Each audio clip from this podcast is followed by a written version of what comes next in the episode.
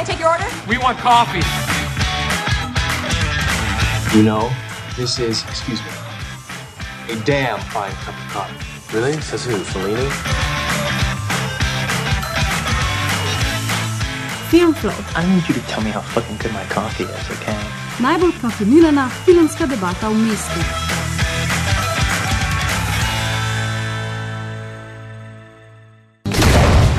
I don't think I can do this. Russ? Of course you can. La muerte de un burócrata. 그동안 미술쌤도 여러 명 바꿔가면서 해봤는데요.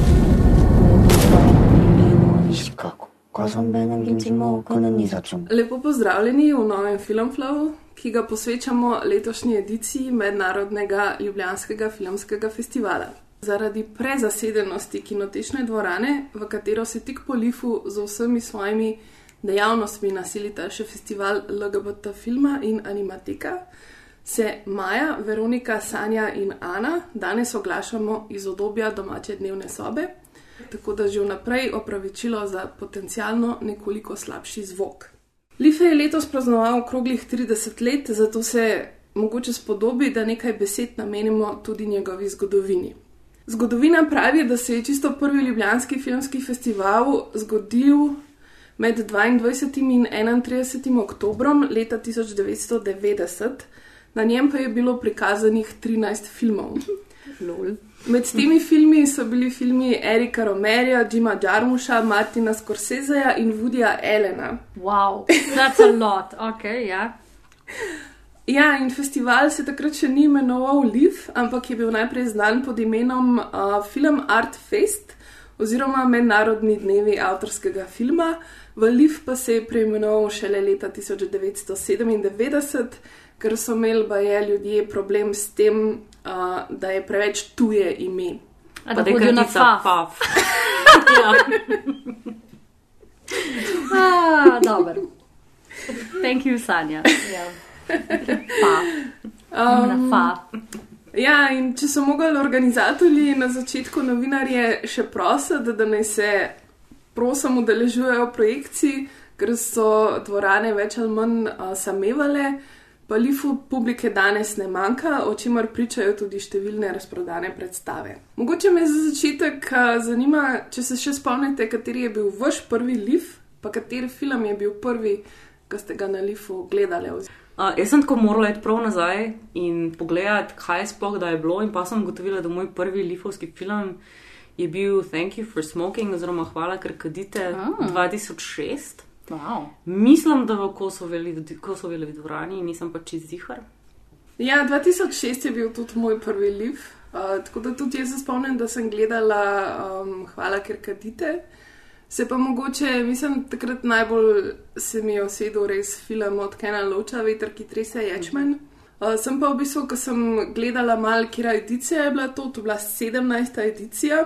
Uh, tako da v bistvu letošnji je bil torej 13. Ja. liv. Tako. We're Um, old. We're old. Tako, vsem govorimo, v bistvu, kera generacija smo. Čak, da pridemo do Veronika, nam bo še bolj bed.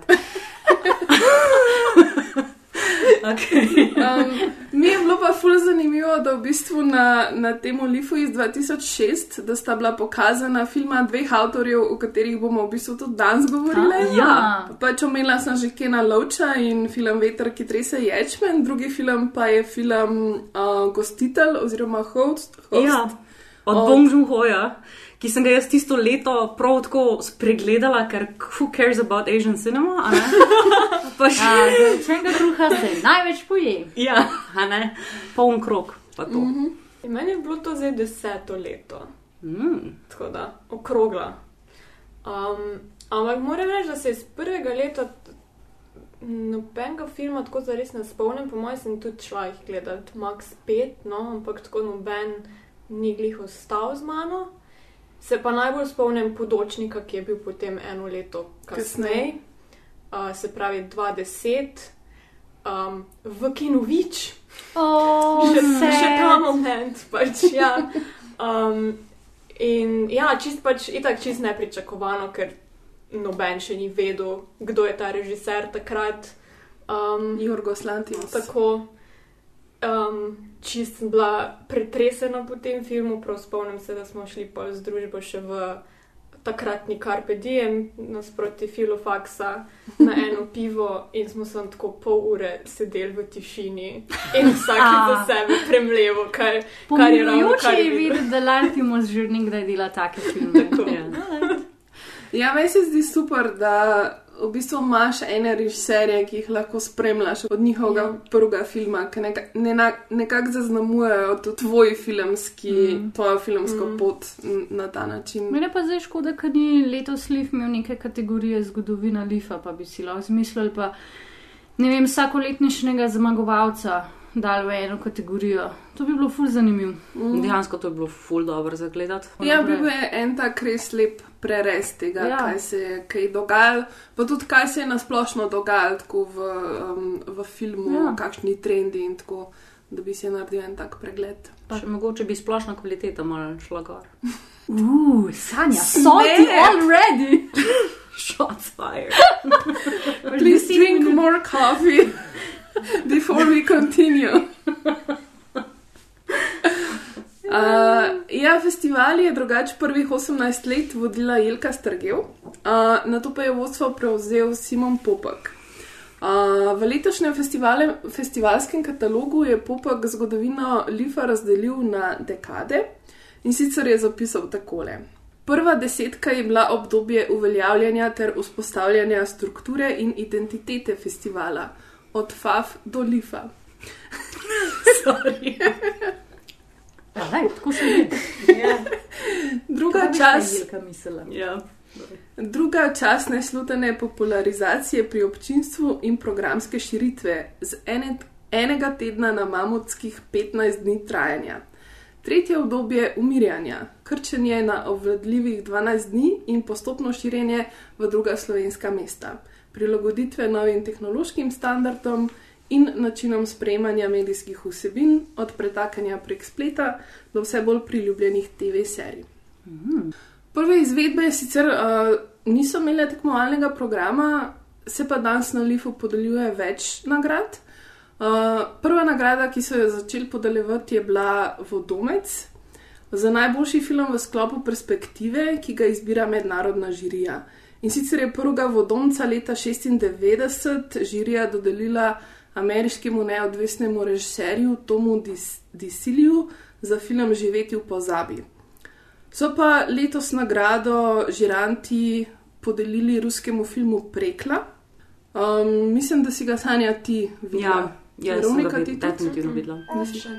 Gaf, gaf, gaf, gaf, gaf, gaf, gaf, gaf, gaf, gaf, gaf, gaf. Rekla je film predvsem o dveh ženskah, ki sta malo reprezentativne za obdobje v Rusiji v povojnem času, um, ki je pač sam res velik enega posttraumatskega sindroma in depresije in pač. Gre se čist za odnos med njima dvema, za odnos do samega življenja, oziroma pomen življenja. Um, določene stvari so v filmu dobro prikazane in je tako tudi sama fotografija, ima kar, kar momente.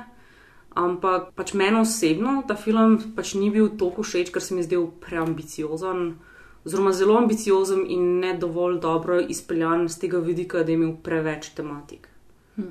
Pač čist preveč je bilo vsega, in potem v bistvu na koncu, ko si prišel ven, si imel samo občutek prenasičenosti in noč ti ni v resnici ostalo. Pač to je mene pač malo zmotilo, medtem ko če bi bil mal krajši, pač je bilo mal, ker recimo med samim filmom, ko sem gledala stvari, so me ful zadele. Pač res par zelo močnih čustvenih momentov je noter, ampak pa se tok naberajo, da enostavno ne moreš pohendlati vsega mm.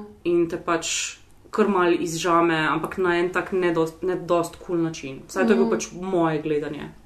Zaenkrat, če ne vemo, če pride um, dejansko v distribucijo, uh, vsekakor pa je že sama tema taka. Um, Ko sem jaz prebrala, se malo ukvarja tudi z ženskim telesom, ne v času vojne. Da, ja, je- glih to. Pač to je v bistvu eden od glavnih fokusov. Um, in če bi bilo recimo bolj kne na tem, mislim, ti deli so res močni. Uh -huh. Pač ful so močni. Je pa par takih res zanimivih dialogov, pa igra je tudi zelo na nivoju.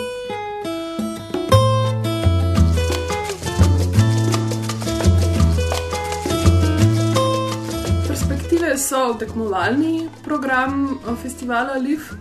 Um, se je pa ta programska schema, ki je danes nekako že uveljavljena, tudi skozi, let, skozi leta spreminjala. Trenutno imamo pač par teh tradicionalnih rubrik, kot so že omenjene perspektive, potem so predpremiere, kralji in kraljice, panorama svetovnega filma, ekstravagance. Je pa na festivalu vsako leto, poleg novejših filmov, tudi pogled nazaj. Mislim, da se vsaj vsi ljubitelji filma res vedno razveselimo retrospektivnega programa festivala. Ki vedno prenese uh, na ogled dokaj um, neznano, pa ponavadi pri nas še ne prikazano um, filmsko zgodovino. Um, tak je bil letos, naprimer, Fokus, ki se je posvečal kubanskemu filmu, letošnja retrospektiva festivalska je bila pa posvečena nedavno preminuli režiserki Anies Varda, uh, o kateri smo letos že delali en podcast, tako da vabljeni, če še niste, da si tudi tega poslušate.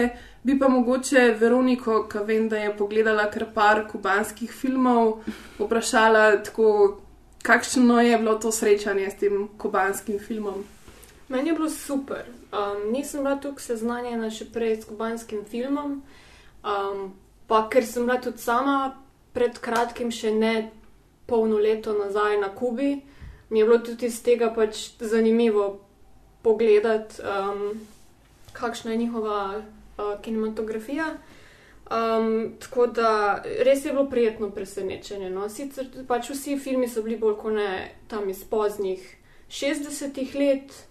Um, Mislim, da so bili od 60 do 90. Do, ja, ker en, je bil, en ne, je bil ta pač iz 93 uh, Mm. mm. jagode in čokolada. ker je nekako, mislim, da um, bilo narejen kot pregled 60-letne zgodovine kubanskega filma. Tako, ne, na ta tako. način. Mm. Pa tudi, mislim, uh, mislim, da je celo na novinarski tako popek povedal, da po razpadu Sovjetske zveze so se začeli nek, neki zunanji vplivi na, na njihove filme um, poznati, tako da se, so se bolj osredotočili na tisto, kar so res kubanci delali, Mm. mm. tako, um, brez da bi pač nek tuj kapital Mm. um, hotel nek vpliv Mm. um, na način, kako snemajo. In je re, res je zanimivo. No?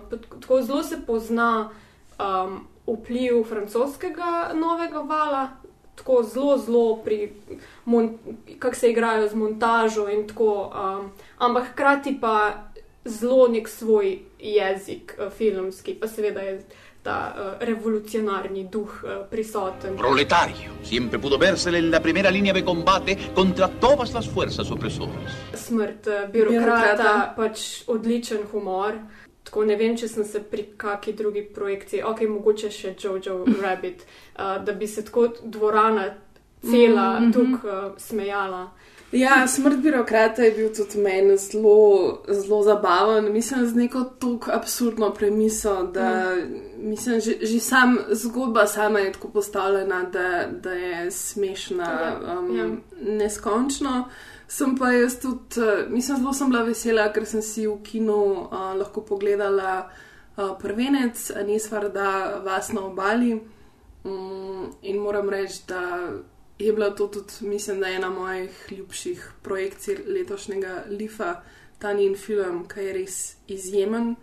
In v bistvu ugotoviš pri tem filmu, uh, odkje je Bergman dobil idejo za marsikater njegov posnetek iz persone. Hmm, shots fired again. Podcast is some shots fired and everybody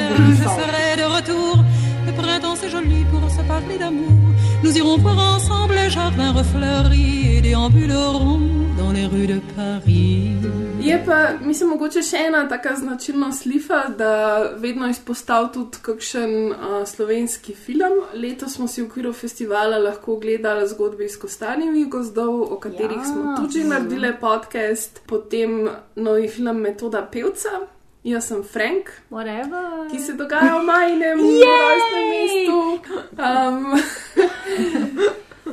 Poleg teh dveh filmov smo pa na, um, na festivalu lahko videli tudi prva dva dela, težko pričakovane nadaljevanke Jezero, uh, ki je narejena po um, enem zelo uspešnem kriminalnem romanu Tadeja Goloba. To pa si gledala. Ja, to pa sem gledala. In to ti je dejansko bilo všeč. Ja, meni je, bilo, meni je bila serija ful všeč. Zdravo, fanta. Kaj imamo? Truplo. Brez glave. Ripčev las, stara fužina. Pa, brada. Glavni problem je zdaj, da bomo čez pol ure imeli vsaj pet novinarjev, ki bodo vedeli več kot mi. Sem prepričana, da z jih bi marsikaj lahko bilo boljš, pa marsikaj bi bilo lahko drugač, pa veliko stvari bi mogoče bilo za popraviti, ampak jaz sem se odločila, da mi bo ta serija všeč, tudi, sem, tudi načelno, zato ker je to prva taka visokoprodukcijska, res properly narejena serija, prva taka dobra žanrska, ker vse ostalo za me ne obstaja, tako da bom mal posiljeno hajpala to stvar. Ker se mi zdi, da je res dobra. No? Mislim, bom zanimarila, da kavaca skozi smisel, da je v drami, pa mora vsako svoje besedilo dramsko uprizarjati. Uh, pa še ful lepo je posnetek, tako kinematografija je res dobra. Noter. Jaz ne vem, te, ti si bila ful nadrkana zaradi same projekcije, ker platno ti ni bilo všeč. Jaz, jaz nisem ta tip človeka, ki bi to res ful opazila, razen če ni res blurry, uh, ker smo bili v komuni, tako da meni je bilo cool, I like it, škoda, ka me ne bo, ka bo prišla ven, tle, tako da bi mogla pol za nazaj pobinžati. Meni se to zdi, da je to serija, ki je zelo na nivoju narejena, production value je fantastičen. Mislim, Bohin naredi, mm. Bohin in Zima naredita res um, en zelo fin vtis, tudi teče. Mislim, te, te prve dve epizode tako padeš noter, no, res si um, totalno v zadevi in se mi zdi, da bo uspešna zadeva, no? da jo bojo ljudje posvojili, da, um, da se je splačalo uložiti Ja, ja, ta denar in to energijo, da to naredimo. Je pa res, da um, sem bila pa zelo raz, razočarana nad projekcijo, čist iz tehničnega mm -hmm. vidika. Zaradi tega, ker vsem, ko veš, da so se ljudje res trudili narediti tako vizualno, spektakularno stvar, in potem to gledaš v kinu, kjer imajo popolnoma v kurcu projektor in platno in vse skupaj, in je vse pretemno, in sploh ne vidiš obrazov, in barve na platnu kar razpadajo. In mi je bilo res grozen za ustvarjalce Štekam. tega dela. Mislim, da, da ljudje gledajo to na tak način. Mm. No, in se mi zdi ful bedno tudi od Lifa, tako glede na to, da ljudje plačajo za karte tako 6 evrov, mm. da morajo pol gledati tako projekcijo. In se mi ful ne zdi to primerno. In bi res mogli nekaj narediti no, Ja, v, v zvezi s tem zamenjati projektor. Ja. pač nek nivo mora biti, no, vsaj na tem festivalu, ki je v bistvu eden ključnih filmskih dogodkov pri nas. Tako da bi se to, po moje, sploh za 30 let res ful spodobal. そういうことだったのか。あんた、お茶習ったらお茶いいな。一緒にやろうよ。こんにちは。 Od leta 2000 naprej pa na festivalu podeljujejo tudi nagrado občinstva, ki se je najprej imenovala Zlati kolut, od leta 2008 naprej pa se imenuje nagrada Zmaj. In letos je gledalce najbolj prepričal japonski film Vsak dan je dober dan, uh, ki ga je pa Sanja tudi že videla. Ja, jaz sem ga v bistvu videla že maja v Udinah, tako da nisem pač imela prilike videti, kako se je naše domače občinstvo odzvalo na ta film. Uh, razumem pa po svoje, zakaj je zmagal, ker je res sam to gzen. Pač, um, pač cel film se v bistvu vrti okrog življenja mlade in mlade, ki je tako mal aimless, oziroma ne ve čisto točno, kaj bi sama sabo v življenju počela.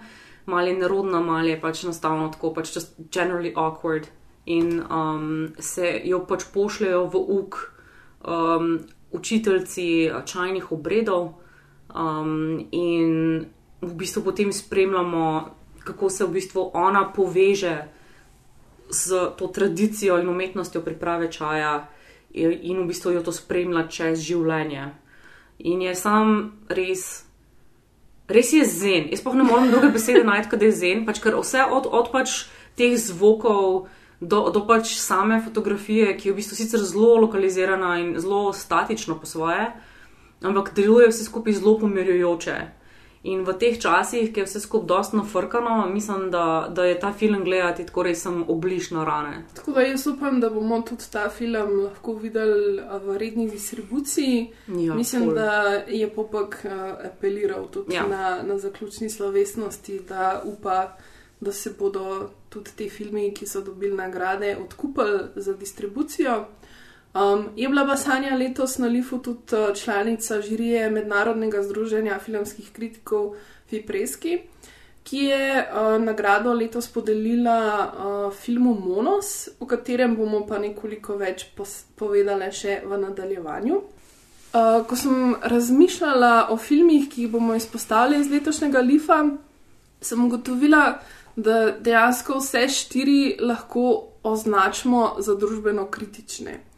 Uh, razgaljanja družbe se sicer vsak loti na popolnoma svoj način, ampak se mi zdi, da je nekako rdeča nit vseh štirih, da se nahaja prav v razgaljanju številnih zablod sodobne družbe.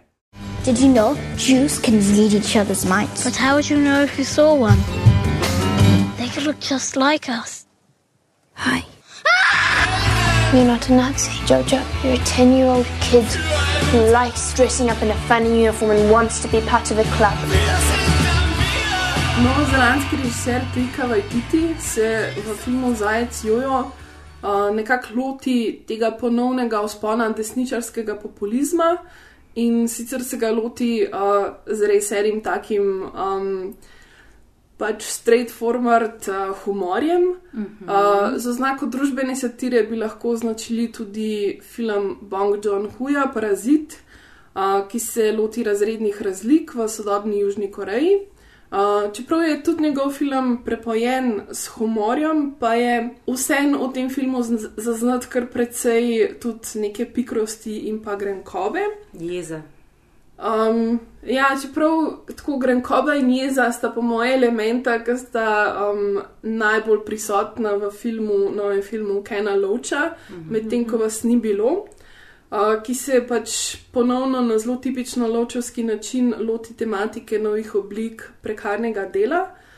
Um, da pa trenutna pot sodobnega sveta vodi naravnost v norost in srce teme, pa nam v filmu Monos, Monos demonstrira tudi režiser Alejandro Landers. To so torej štirje filmi, o katerih bomo govorile v nadaljevanju. Bomo pa začele uh, s filmom Zajec Jojo. In ker sem v bistvu že pri Monosu omenjala norost, um, bi mogoče se mal navezala na to in bi rekla, da se mi zdi, da ko smo slišali za idejo, da želite Vajtiti posnet film o dečku, ki ima za namišljenega prijatelja Hitlerja, da je to v bistvu neka popolnoma nora ideja, neko minsko polje potencialnih pasti. Mm. Um, ampak se mi pa vse zdi, da je mogoče Trika Vajtiti ta film, za katerega smo se vsi bali, da bo šel zelo na robe, uh, dokaj suvereno pripelje do konca. I learned very early on when I was writing the script that there's no real way to pitch this film. you can't, you can't pitch this. You can start. I, I said to a friend of mine when I was writing, I said, "Well, I'm working on this script. I think it's going to be really good. It's about a little boy and the Hitler Youth," and he said, "Stop. Not interested." Jaz bi sem hotela biti v sobi, ki je pičal ta projekt. Ja, to. jaz tudi. Ja. Še posebej, ko je pičal ta projekt, pa rekel, and by the way, I'm playing Hitler. to se mi zdi, da je bilo še posebej zanimivo. Ja. Ja, um, kar recimo jaz nisem vedela o tem filmu, je, da ima film knjižno predlogo. Uh -huh. Eno novozelandsko, be, novozelandsko-belgijske avtorice, um, kar je pač bizarno že samo po sebi, da se je nekdo, ki ni ta IKV, ti spomnil te ideje. Tako da, ok, sicer ne vem, mislim, da, mislim, da je very loose adaptation, ni za res pač zdaj neki, neki um, bit do bit ta film. Ampak ja, jaz, ko sem videla trailer za ta film, mi je bilo full strah. Ful me je bilo strah, da mi film ne bo všeč, zato ker so to ene take tipske komedije, ki sem jaz tako, ampak zakaj? Ne samo zaradi teme, čistko, ker je komedija. Ampak sem bila pa tako, let's have faith in Taika, on je, iz to, on je rehabilitiral Tora, tako da dajmo mu to uh, benefit of the doubt. In ja, uh, Jojo Rabbit je pač samo ah, najbolj čudovit in zabaven film, ki smo ga tudi mi vsi zdaj rabili videti, ker je tudi do določene mere bliž na rame.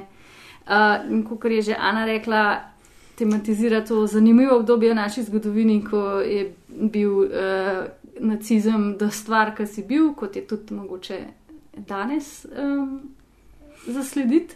Ampak uh, Jojo Rabbit spremlja desetletnega mulca, Johannes Jojo Betzlerja, ki je mali goreči nacist. On je tako v Hitlerjugend, on je der Führer, je pač naš heroj in on je tako, ja, jaz sem naci in sovražim jude in vse te stvari. Pa hkrati oh, je najbolj cute. Ja, ja. ampak on je naci. Mm. Ja. Tako, tako, ker so desetletni fanti lahko, ah, naci. In on gre v ta nek. Um, Dajmo temu reči, zelo uh, Moonrise Kingdom camp uh, za Nazi Jugend, uh, kjer je briljanten Samuel, Sam Rockwell že spet, oh, ker pač ja. on je najboljši ever. Najboljši. Kot pač tam nek brigadir in tam se njemu stvari dogajajo, mi uh, dojamemo, da on ni glizaj, ta najbolj samozavesten Nazi uh, Jugend, um, zgodi se mu ena nesreča in pač je poškodovan kar pomeni, da v bistvu ne more več realizirati tega nacisenja, da bi lahko umrl za svojo, za Hitlerja, ker ne more več iti na fronto in je obsojen na to, da je pač doma raznašal s papirja, basically. No? Odločil pa, da bo napisal knjigo. Tako, o judih bo napisal knjigo, ker, ker pač mora prispevati. Ker mora prispevati k tem pač našemu dragemu tretjemu raju. Tako sem ta butasta šala. Ne, to ni butasta šala, Ana, prosim, to je mogoče najbolj briljantna šala v zgodovini vseh šal. In sem jaz pripričana, da je ta Ika Vajtiti ima to šalo v repertoarju že 30 let in ni mogel nikamor, da jo drugam poturi in jo je poturil ta film. Ker pač Sam Rockwell at some point pač očitno želi German Shepherds. Dobiti, in potem mu pač njegov pribočnik, oziroma gej ljubimec, kot kasneje ja. izvemo, uh, mu pripelje dejanske nemške pastirje, ker pač German Shepherds. Jaz se sem scala, res je brilliant. To je najboljši moment. Ne vem, kako bo to v nemščini funkcioniralo, oziroma kako je to v ja. Nemci dojeli, ampak pač. Ja. Čeprav, jaz sem imela v mislih eno drugo, ko on prvič najde v. Um, pač, ko spozna, da mama skriva um, judinjo ja. na, na, na podstresju, um, ki se srečata in ga ona vpraša, tako, do you know what I am? In on reče, a Jew. In ona ona reče, bless you. ja, ja, ja. Um, ja, in pač. Um, underlying point tega filma je zelo, po eni strani zelo banalen, po drugi strani pa zelo globok, da pač se moramo videti kot ljudje in se moramo imeti radi. Zelo, zelo učitno je film, da videti jasno paralelo med tem, kako ridiculous po eni strani je bil Tretji rajh takrat. Pa nacizem in kako nevaren, in po drugi strani tudi ridiculous je današnji vzpon desnice. Meni najbolj mi je to prikazano na začetku, ko se pač ta nek ta prvi del filmčka odvrti. In je potem so posnetki, um, zgodovinski posnetki v Driefenstahl in vseh teh, pač, teh nacističnih zborovanj, pa je pa pač nemški biti poje. In pač. Oh,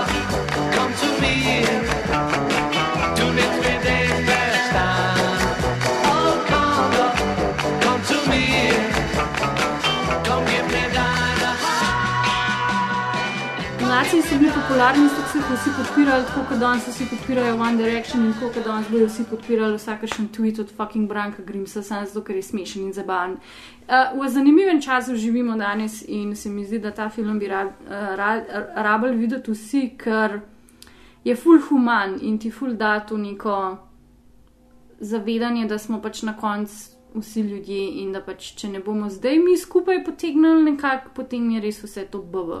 Pa še ful me zabava, ker skozi citirajo Rilke in pol. Na koncu film je ful smešen, pač ko umiraš zraven. Ampak pol tle film v bistvu konča z enim verzom od Rilke, ki te pa tako špikne v srce in smo pol cela kinodraja, ampak tako. Ja, sem res. Ah. Tako da, ful čustven, ful vesel, ful amazing film ful lepo posnet, ful huda muska, ful hud Hitler noter. Tak, um... to je zgodovinski trenutek, ki je nekdo prvič rekel: ja, ful, ful hud Hitler noter. um, Tajika ga, ga takrat v redu igra. tako Ne, človek res ne bi mislil, ne, ampak tako zadane vse te njegove ja. manierizme. What is she burning? What are you burning? What are you burning? Jaz sem tudi uh, sem se zelo bala, da ta film ne bo um, tako dober, kot je na koncu bil. Čeprav um, jaz imam malo problemov no, s tem filmom, ker se mi zdi, da um, se mečkom ujame v neke te precej tipične klišeje. Prva tretjina filma se mi zdi genialna. Mhm. Res genialna in je tudi zelo močna. In zdi se mi, da film je res najboljši takrat, ko si res dovolj biti smešen, ko si dovolj pač ta nezaslišan humor. Ker Taika Waititi je res, mislim, odličen komik in pisec in zna narediti to, ampak se mi zdi, da se film na neki točki tako stop par korakov nazaj no, in si ne dovolj toliko, kot bi si lahko. Hmm. In pade bolj v ta PG-13 sceno, kot pa da bi res šel v full-on družbeno satiro in skozi to kritiko. Hmm. In tudi se mi zdi, no, ce- cel ta plot, ne te deklice v Omari je v bistvu že tokrat viden, da nekak, na nek način, no, mislim, ne prenese neki novega filmu. No. Tako da to so bili neki elementi, ki so mene majčkan zmotili, plus to, da je recimo, da me je majčkan zmotila ta dihotomija, da je film vsem se dogaja v, v realnosti, ne se dogaja v neki full hudi realnosti, ampak jo mogoče z- zame majčkan preveč banalizira. Mm. To je, to je ful zanimivo, ker se strinjam s tem, da recimo film je situiran v ful težko situacijo, ki v bistvu ni zares tako prezentna skozi film, ampak jaz sem si to razlagala, da pač mi gledamo skozi perspektivo Jojoa, pač Mhm. Johannesa, ki je deset let star, pa še z, pač prek odnosa z Mrtko, z, odlično, Scarlett Johansson, se mi zdi, da mu ona pričara en tak magičen svet. In jaz sem si predstavljala, da recimo, ne vem, eni otroci, kot so lahko živeli gor med drugo svetovno vojno, zares niso dojeli mm. teže tega.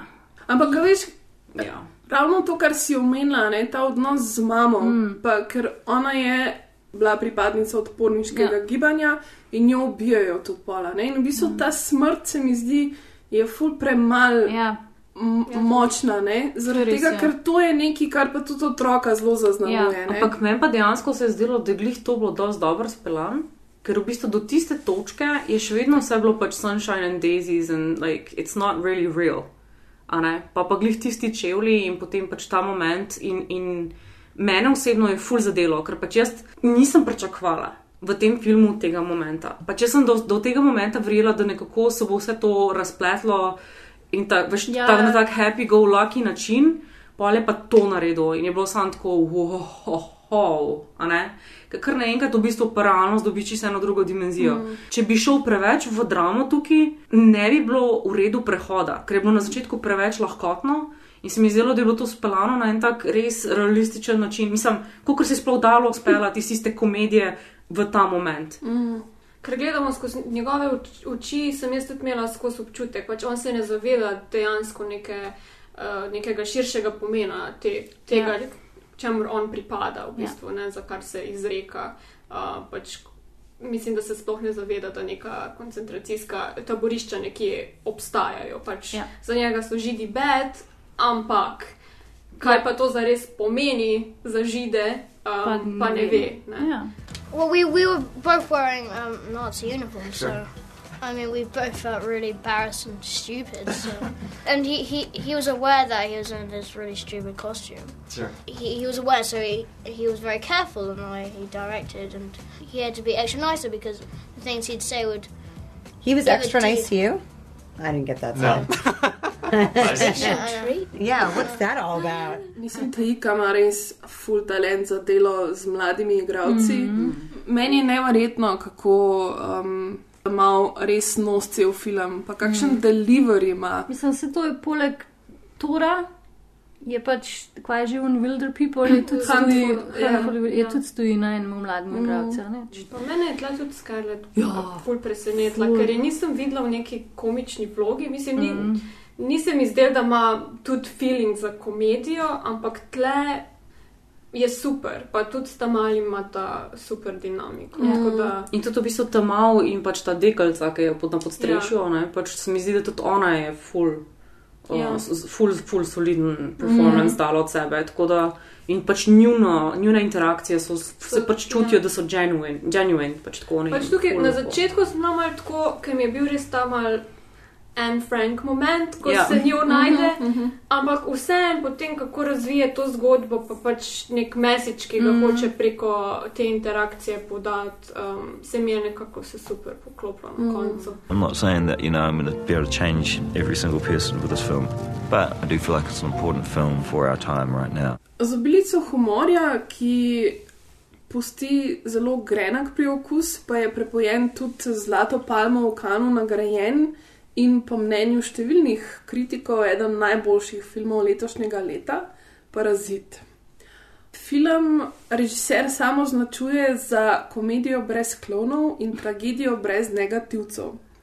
Je pa v središču filma, ki je hkrati strašljiv, smešen in žalosten, konflikt med temi, ki imajo in tistimi, ki nimajo. Več o parazitu pa seveda Sanja, naša uradna dopisnica za korejski film. Ja, in Sanja je po naključju ta film dejansko gledala v Koreji. In Mm. mi je mal žal, ker mi ni uspelo zaradi vsega možnega drugega, ker sem morala na Lifu gledati, gledati ta film tudi slovenskim občinstvom, ker me res zanima, kakšen je bil odziv. Se ta film dejansko pride v distribucijo. tako da Je bodo- že igral v kinu. Je že v kino, no, celo tako. Uh, tako da, da dejansko bom mogoče na neki točki to šla, ker bi res sem rada bila v prostoru in malo tako tipala, kako se kaj odzivajo na to. Pa ja, Bong Joon-ho je, a ne, um, ki je tako popolnoma storytelling zase na tej točki, se mi zdi. Ne rečem, da je film brez napak, sploh ne, ampak je pa zelo, zelo močen pri tem, kar pač dela.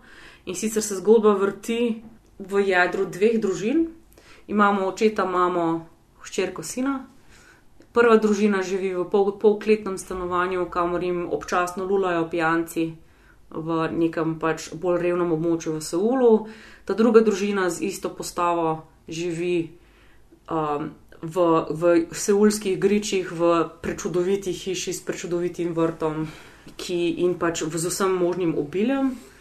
In kaj se zgodi, ko eden za drugim revna družina infiltrira bogato družino, oziroma dinamike, oziroma kako je nemogoče včasih prestopiti meje razreda.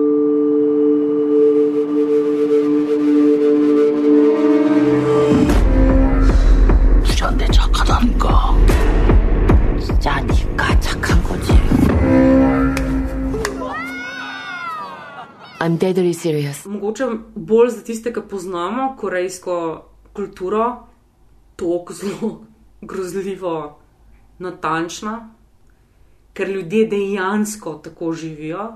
In te razredne prepreke so takšne, kot so prikazane. Sicer pač potem itak, ker je to Bong Joon-ho na neki točki gre iz parodij v en tak skoraj mm, element grozljivke oziroma trilerja. ne. Pač meni je v bistvu pri Korejcih najbolj fascinantno, koliko znajo včasih res dobro prikazati, da resnično zlo so ljudje.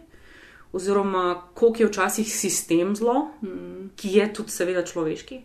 In se mi sam zdi, da je full, full dobro naredil.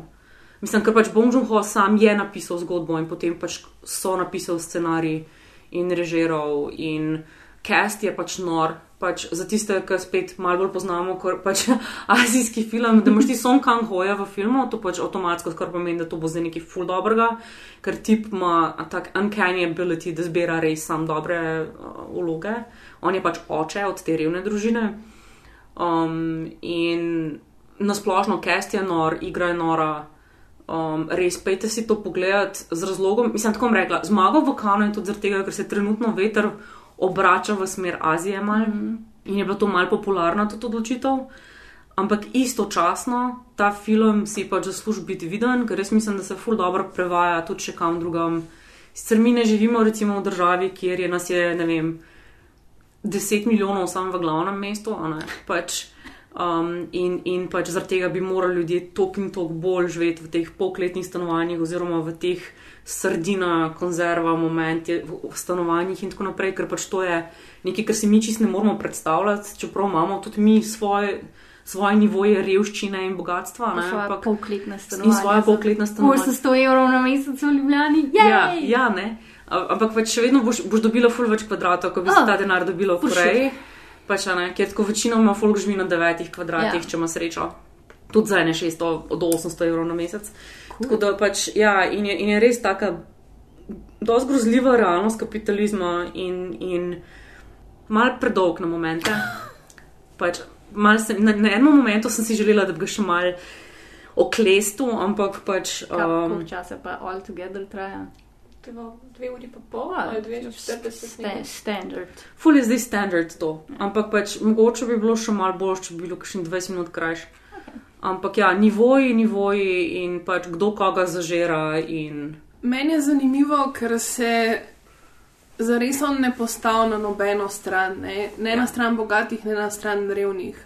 Pač pri obeh straneh ne, nekako razkriva te človeške napake oziroma tega, da si kolo, kolo v sistemu. Mm. Ja, pač tega, da, da na koncu koncev vse preslika na pač čisti individualizem, samo mi moramo preživeti, pa pa briga nas za ostale. ne.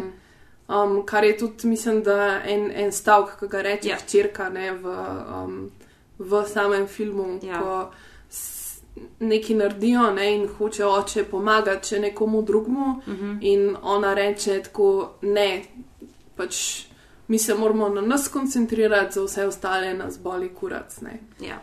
In Jej! je to zelo. Hashtag um, mentaliteta 2019. Ja, hashtag mentaliteta kapitalizma. Mm. Ja. Pa kar jaz mogoče pri tem režiserju tudi zelo cenim, je to, da on s svojimi filmi se mi zdi odpravlja to razliko med art filmom in med komercialnim filmom. Mhm. Ker on si pač freely sposoja iz žanrov, jih kombinira, Mhm. jih obrača, vse po možnosti v istem filmu. Tako da na koncu sploh več ne veš, čim bi pač opisal to, kar je naredil, razen da rečeš, a to je Bong Joon-ho. Pač, Kaj pa je še kaj naredil, še kaj poznamo od njega? Ja, seveda, poznamo Snowpiercer. Snowpiercerja, ti recimo vem, da poznaš Ja, Maja. seveda. Okja. Ja. Okča je njegov film, pa drugač Host, um, ki je tako. Ki ima tako, po svoje je slab, po svoje pa fenomenalen. Tako fuč ne, ne znam čisto opisati, ampak pač hosta si je full dobro za gled. Zdaj so- Letos je dejansko festival londonskega filma, azijskega filma imel. Um, To je full dobra fora. Na Temzi, na reki so imeli projekcijo hosta. Oh, a, a lahko ugibam, da se Te- host te- dogaja na reki, na čovnu, Ob reki. ljudje umirajo na pol. Pač obstaja neka mala pošast, ki A, ni mala. a, Um, okej. In pač nice. živi nekako v rečnih kanalih. Uh, je tak en moment, ki je mogoče malo bolj kripi. Tako kot bi Snowpiercerja, Snowpiercerja gledali na London Underground. Ja, ja, recimo. Mislim, res, res pač vsi to govorijo, ampak zato, ker mi se mi zdi, da je to pač res za tipe rado pa tako mal žanr zase. Hmm. Ker nikoli čist ne veš, kaj pričakovati, nikoli čist ne veš, kam bo šel. Ena posebna izkušnja, no? ker greš res čez vse stadije, tako emocionalne, ker se pač smejiš se na glas, potem si sam tako šokt. Ja. In mislim, res samo prehajaš med različnimi stanji in gledati to tako v, v dvorani, ker pač so te sk- skupne reakcije na to, kar Mm. gledaš, je še tako. eh, Še en ekstra. Pa čisto kot zanimivost, ta film je trenutno uh, najbolj gledan film v Ameriki od La La Landa in, in v Ameriki, samo to, kako se prevaja v zahodno občinstvo, oziroma v druge ja. občinstva. In na tej točki daleč najbolj gledan tuj film, kadarkoli, o, o vseh časov v Ameriki. Pa tudi, um, mislim, da na Letterboxu, uh, na Ja. yeah. tej pač platformi, uh, kjer se daje tudi ocene, je bil do zdaj, do Parazita, um, najbolj ocenjen film Botar. Ja. In Parazit ga je zdaj um, premagal z Ja. boljšo. Americans are waking up, maybe not really. Kaj pa vemo? In če nas drugega se reletajo na jezo. How does your company get away with this? This is my family, and I'm telling you now, nobody messes with my family. Lahko bi rekel, da se tudi ločil film, medtem ko vas ni bilo, podobno kot parazit, kvarja s to neizprostnostjo sistema, v katerem tisti na dnu prestajajo nečloveške muke, da bi obdržali svoj položaj. Tako jaz bi rekla tako, da bi filmi Kena Loča mogli na nek način biti obvezno čtivo. To bi vsi bi mogli gledati njegove filme. Ker se mi zdi, da ta njegova jasnost, pa natančnost, pa preprostost, s katero govori o današnji družbi in o kapitalizmu in o tem, kako v bistvu uničuje vse vezi, ki smo jih zgradili kot neka skupnost. Ne vem, to se mi zdijo pač samo pomembni njegovi filmi za, za danes, za ta čas in definitivno je to, da mu marsikdo očita, da že vem, več kot pol stoletja pridiga eno in isto stvar. Ja, sam. Ampak glede na to, da mislim, se očitno kot družba noč ne Mhm. učimo, ne vem, res zelo jasno drvimo nekam, kjer ni več poti nazaj, se mi zdi, da um, so filmi, kot jih snema on, filmi, ki imajo zelo veliko te socialne občutljivosti, um, trd, trdne etike, ki nam nastavljajo neko res kritično ogledalo, ful pomembni in pač jih je kvečemu premal kot uh, preveč. Zdaj film se v bistvu ukvarja z novimi obliki, oblikami prekarnega dela, specifično z, z vozniki, ki vozijo naše pakete, ki jih naročamo na Amazonu in na deset tisoč drugih uh, spletnih trgovinah. Po drugi strani pa je seveda v središču tudi družina. In v bistvu, kako te sodobne oblike dela v bistvu res vplivajo na propad uh, družine. Imamo um, Rika in pa Ebi, mož in žena in njuna dva otroka. Tako res nam jih prikaže kot eno zelo tako ljubečo in povezano družino, ki pa jim finančno seveda ne gre najboljš. Riki menja konstantno službe, čeprav je zelo delaven in se nekako lovi iz službe v službo. Ebi opravlja delo patronažne sestre in kljub temu, da oba dva konstantno delata, tako veste, da nikoli ne bosta imela dovolj denarja, da bi si lahko prvošla ne vem, svoje stanovanje, ne vem, neko mogoče malo lepše življenje.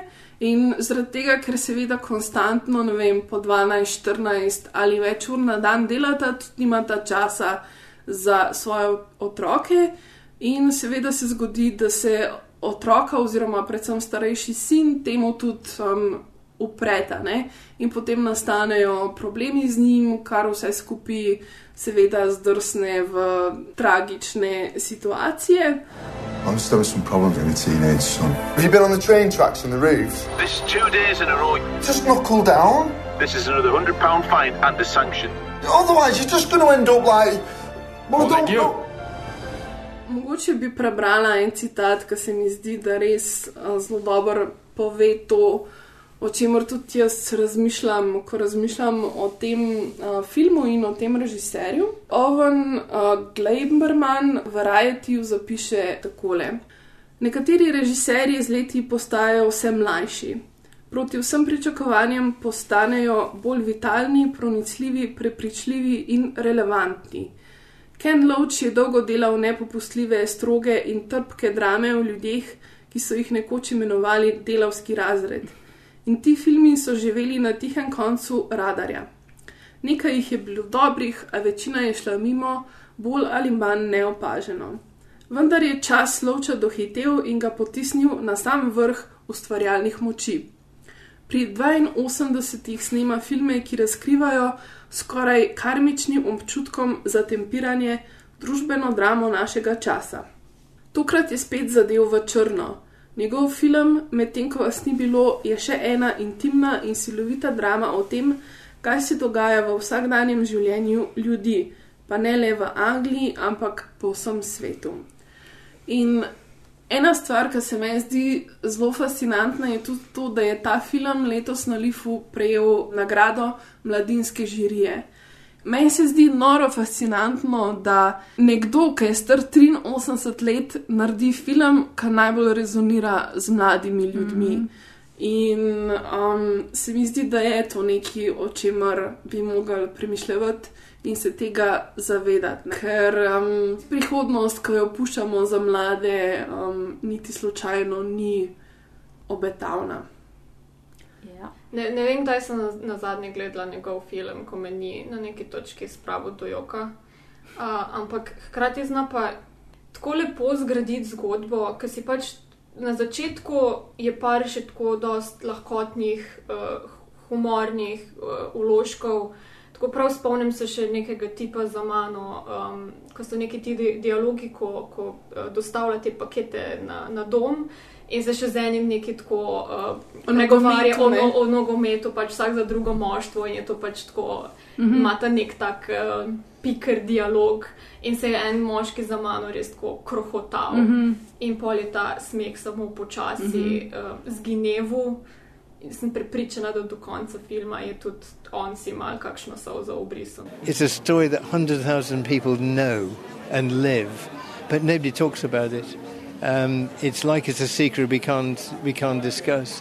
But it's transformed the lives of families in 20, 30 years. The change from secure working, um, eight hour day, 35, 40 hour week, time with your kids, time to get a house, you know, security. That's transformed into two thirds of the, in the last decade of, of ordinary jobs are, are insecure jobs. And that's hugely transformative. But it's reflected in the family, Paul says, reflected in the family. Because at work you put on a happy face, don't you? You keep going. When you get back, you're knackered. You've no patience, fractious, stressful, and families really struggle. So that we just felt it was a story we should try and tell.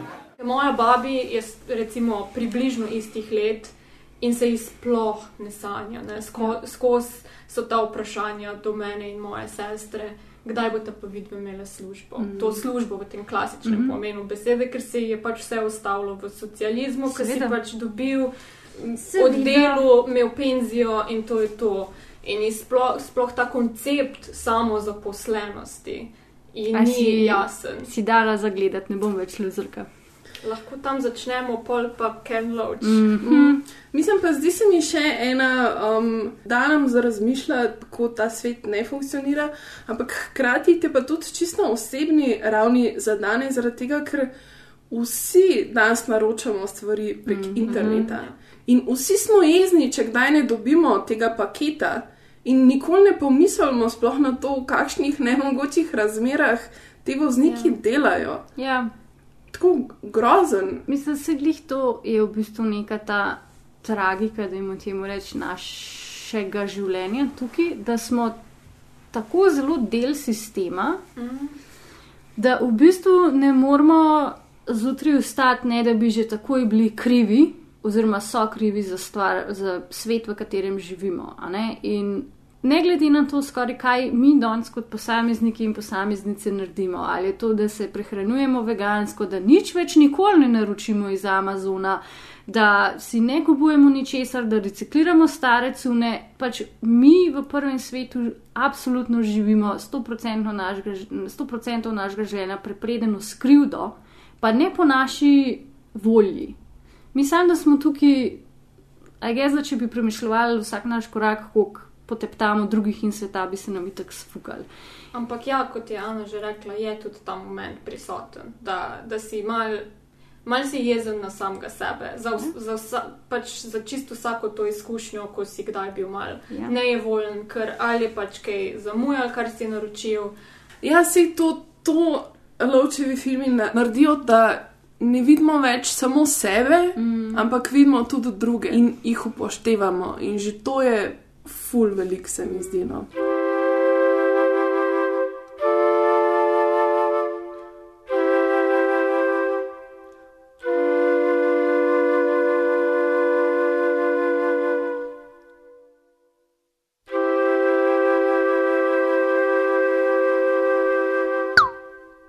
Če mogoče lovč je na neki točki še optimist in še verjame v dobro človeštva. Se mi pa zdi, da Alejandro Landes v Monosu sporoča, da se apokalipsa dogaja že zdaj.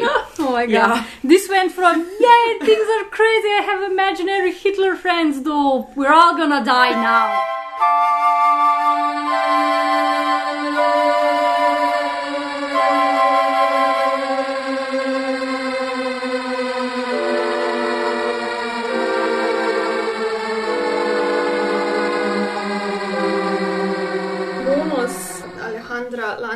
Ki je v bistvu brazilskega rodu, ampak nekako kolumbijsko-ekvadorskega porekla. To je njegov drugi igrani film. Začel je z dokumentarcem o Moralesovi uspešni predsedniški kampanji v Boliviji. V bistvu, Wow. Tako da mislim, da je to tudi en film, ki bi z- trenutno bil spet relevanten Ej. za ogled, čeprav je že več kot deset let star. V Life katalogu je film opisan kot utopičen postolovski thriller, kar je Wow, tako. o, bravo.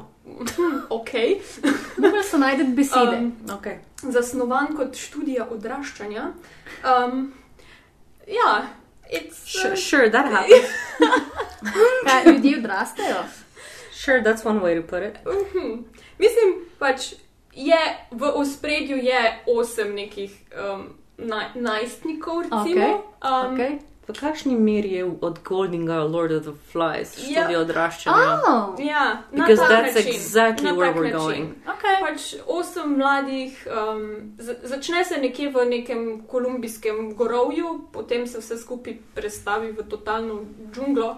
Okay. Um, če pustiš osem najstnikov, ki tako um, tudi malo prekipevajo od hormonov Okej. in od vsega, kar se pač ti v tistih letih čudnih dogaja. Mm, Po mojem bi bilo bolj reči, če pustiš osem otroških vojakov. Vojakov, ja. Da, da mi, da mi daš jim um, orožje in jih pustiš v, v divjini. Pa eno kravo. Pa eno kravo, pa okay. eno uh, ameriško ujetnico. No. Wow, ok. Kaj se potem zgodi? Let us observe.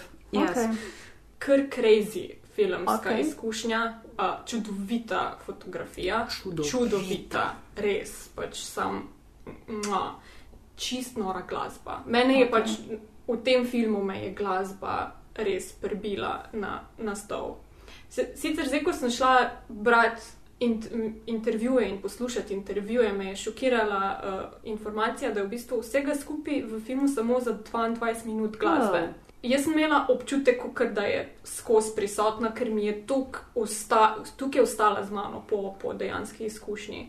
Glasbo naredila Mika Levi, ki je že Under the Skin, pa pač Jackie, uh, za katero je bila pol tudi za Oscarja nominirana. Igra mi je tudi fantastična bila, glede na to, da so vsi tam mali razen enega totalni naturščki. I think what it was, it was very physical. These are kids that are not only experiencing the physical changes of adolescence, but they're also uh, trained to be soldiers, trained to fight. And the physicality of the spaces and how their bodies react and how their bodies are changing throughout the film um, is a very important part of the story. How nature and the physical body um, speaks to each other. You know, I think that they they are a lot of their what you see and what you feel in the film is related through that physicality that they express. Res nek taka šizofrena, že skoraj izkušnja, ki si pahnjen v tisto džunglo z njimi, vmes tudi oni malo na, na gobicah tripajo in, in tudi pač to je posneto na tak način, kot da ti tripaš z njimi. Um, mal potem, tri, mislim, med njihovim tripom v bistvu so tako napadeni in je vse to tako combined. Ta, hkrati pa mi je zanimiv ta um, pristop, ker res tako nikoli ni definirano zares, kje se to dogaja, uh -huh. uh, na katero stran oni spadajo, pa če so gverilci uh Mhm. -huh. ali so druga stran. Ne, ne dobiš nek, njihovih pravih imen, ker vsi imajo neke hecne vzdevke, pač so ne vem, Wolf, pa Lady, pa Boom Boom, Pa Rambo. Rambo, uh, pa Bigfoot. Uh, Rambo mi je najbolj fascinanten, uh Mhm. -huh. zato ker je tako, ne veš, zares, katerega spola je. Ja, in tudi na to film nikoli, pač je tako prepuščeno interpretaciji. Ja. Pač Pa zdaj- Rambo pač- je točka dostopa za gledalca, on je pač Ja. najbolj, najbolj empatičen Ja. lik. Okej. z, z njim se recimo. Mm. Pa igra ga punca. ne? Igra ga punca. sta Ja, jaz sem dejansko je- šele potem po filmu ugotovila, da je to punca. punca. Ah, Jaz jaz sem se cel film, da je to fant. Ko sem začela gledati, sem tako, to je zihar punca. Mhm. Ampak potem se ga pač nekako s tem rambom in pač skozi se ga Mhm. z moškimi Ja. ne, naslavlja. eh, Z moškimi zaimki in sem tako, ok, mogoče pa fant. In sem imela res tako Mhm. na polovici filma, je kar nekako. Ratov fant. Ja, je ratov Mhm. fant. Kar mi je bilo to zanimiva izkušnja, ker se mi še nikoli ni zgodilo, da bi um, eno osebo v filmu pač dojemala skozi pač oba dva spola. Ja, tako da to je zelo zanimivo. element. Zakaj je pa film The Apocalypse is Now? Kaj, kaj na filmu je tacga? Um, We're all gonna die now. Ker je spopad. No? Torej, v tem filmu Aha. na Aha. neki točki se pač oni dejansko, kroni so nekje između ničega v, teh, v tem gorovju, ampak na neki točki borba pride k njim. Okej. Tudi zaradi tega se potem predstavlja v džunglo. Okay. Ker se pač bojna linija premakne in je direkten napad okay. na njihovo lokacijo. To so otroci, ki odraščajo v vojni z mm. orožjem, ki nimajo nobene prihodnosti, ki nimajo kam jet, ki nimajo nobeni, nobene skupnosti. Vem, tudi med njimi se konstantno odvija bitka, ne, kdo bo zdaj um, boljši, kdo bo koga premagal. To je tako res, mislim, totalno samo boj za obstanek in čisto nič drugega. Istočasno, ko se jim proba ucepiti, da tukaj pa spadajo in da to je družina. Film se mi zdi, da se dotakne vseh teh tematik, ampak meni se zdi, da se je mal preveč ujel tudi to v svojo lastno past, da je res a visual feast. Da se mi zdi, da pozab mogoče mal na tematiko, s katerimi se ukvarja in je bolj fasciniran tako samo s tem, da se to dogaja. Sem uživala v filmu in me je potegnil, ampak ko sem prišla ven, mi je nekaj pomembenega umanjkalo no, kot gledalki. Pač jaz, obvisle, mi smo mu dali nagrado.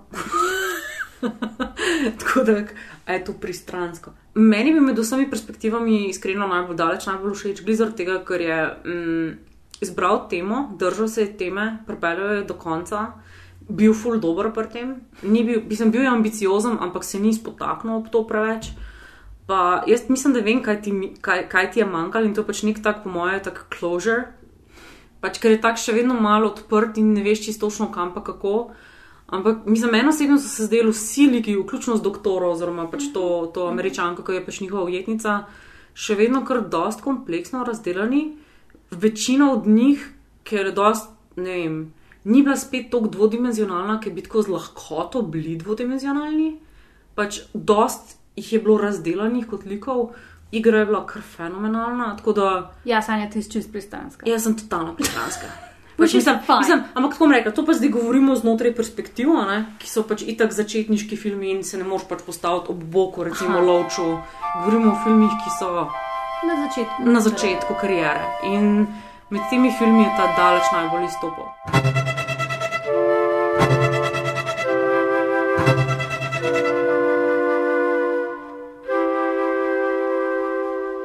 A bi mogoče katera izpostavila še kak film? Shots fired. No, shots, shot, shot, shots are about to be fired. Jaz bi tako res sam rada povedala, v eter, uradno. Da o tem si že malo govoril, sam fucking otvoritveni film. Ne?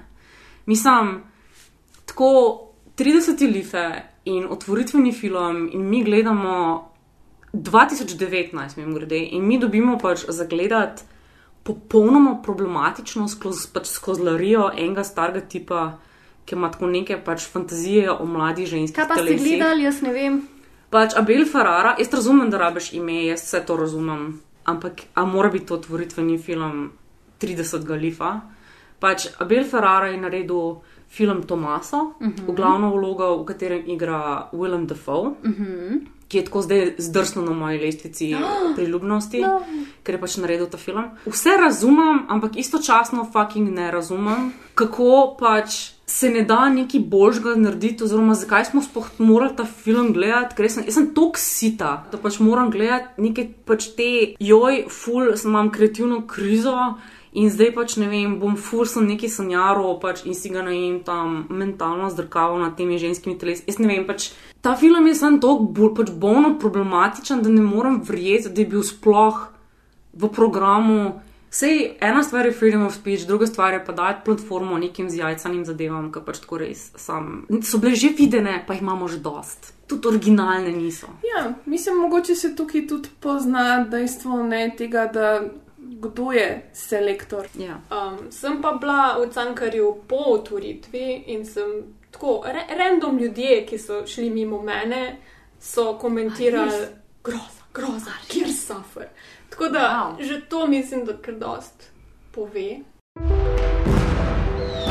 Eu sinto que o Yorgos me ama para Nevidno življenje Euridike je, mi je bil res odličen. Mislim, da sem ga čistko slučajno zbrala, ker ga je Štepančič umestil med tiste svoje v mladini priporočila. Uh -huh. uh, pa se mi je glih tako časovno fajn poklopil in sem šla in je res super film. Pa Skrito življenje od Melika. How is that? Meni je bil super. Okay. Pa res zadnji trije njegovi filmi so mi bili praktično uh -huh. negledljivi. Ja, Sploh tisti z Benom Affleckom, mislim, da ga nikoli nisem končala, ker mi je bilo samo tako melik, kaj dela, Ja. kaj se je zgodilo. In ta film se mi zdi, da je končno his back. Mislim, Ja, jaz moram reči tudi, da sem na projekciji. Sem full padla noter v film in mi je dve ure pa pol tudi zelo hitro minil, ampak bolj, ko premišljujem o tem filmu, manj mi je všeč. No. A res? Tako da se mi um, kar podira, no, mal, mm. uh, definitivno. Mogoče se manifestira to, da se jaz skozi manj strinjam s tem, kako on dela filme mm. in kakšno je njegovo sporočilo. in Ni, a ni to sporočilo filma You Must Resist? Ja, mislim, na nek način je, ampak okay. način, na katerega on se loti tega uh, s temi popolnimi ljudmi, brez kakršne koli napake in idiličnim življenjem. Um, Zato si tudi Ben Afflecka izbral za njegov prejšnji. Razumem, razumem. Keeping secrets, are you? No, sir. Why just spill your beans?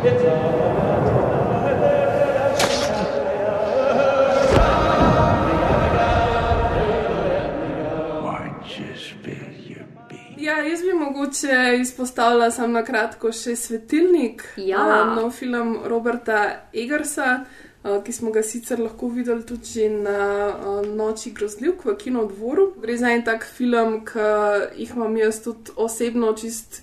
Glede na moj okus, zelo rada.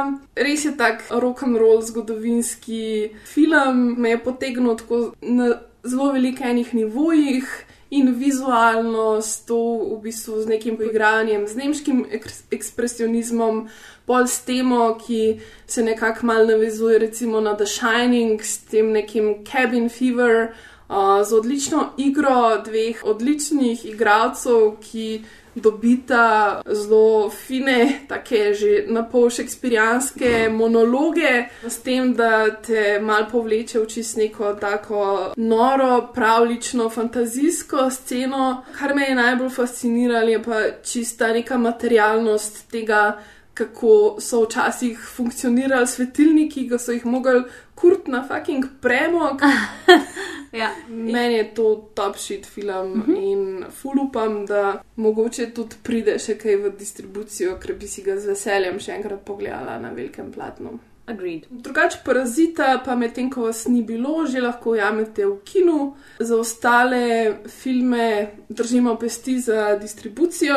Bi vas pa povabila še na en film in sicer na film Portret mladenke v ognju, ki od 19. decembra naprej tudi pride v naša, na naš program. O tem filmu pa tudi lepo vabljeni, da si poslušate podcast, ker smo posneli eno posebno epizodo v sodelovanju z festivalom LGBT filma in mislim, da um, bo to kar ena najboljših naših epizod ever do zdaj, tako da res lepo vabljeni uh, v kino, lepo vabljeni k poslušanju. Nekako planiramo do kon ko- na koncu decembra eno oddajo še o najboljših filmih leta, pol pa januarja čez deklištva. Tako da hvala za pozornost and stay tuned. Bye. Me dynamite.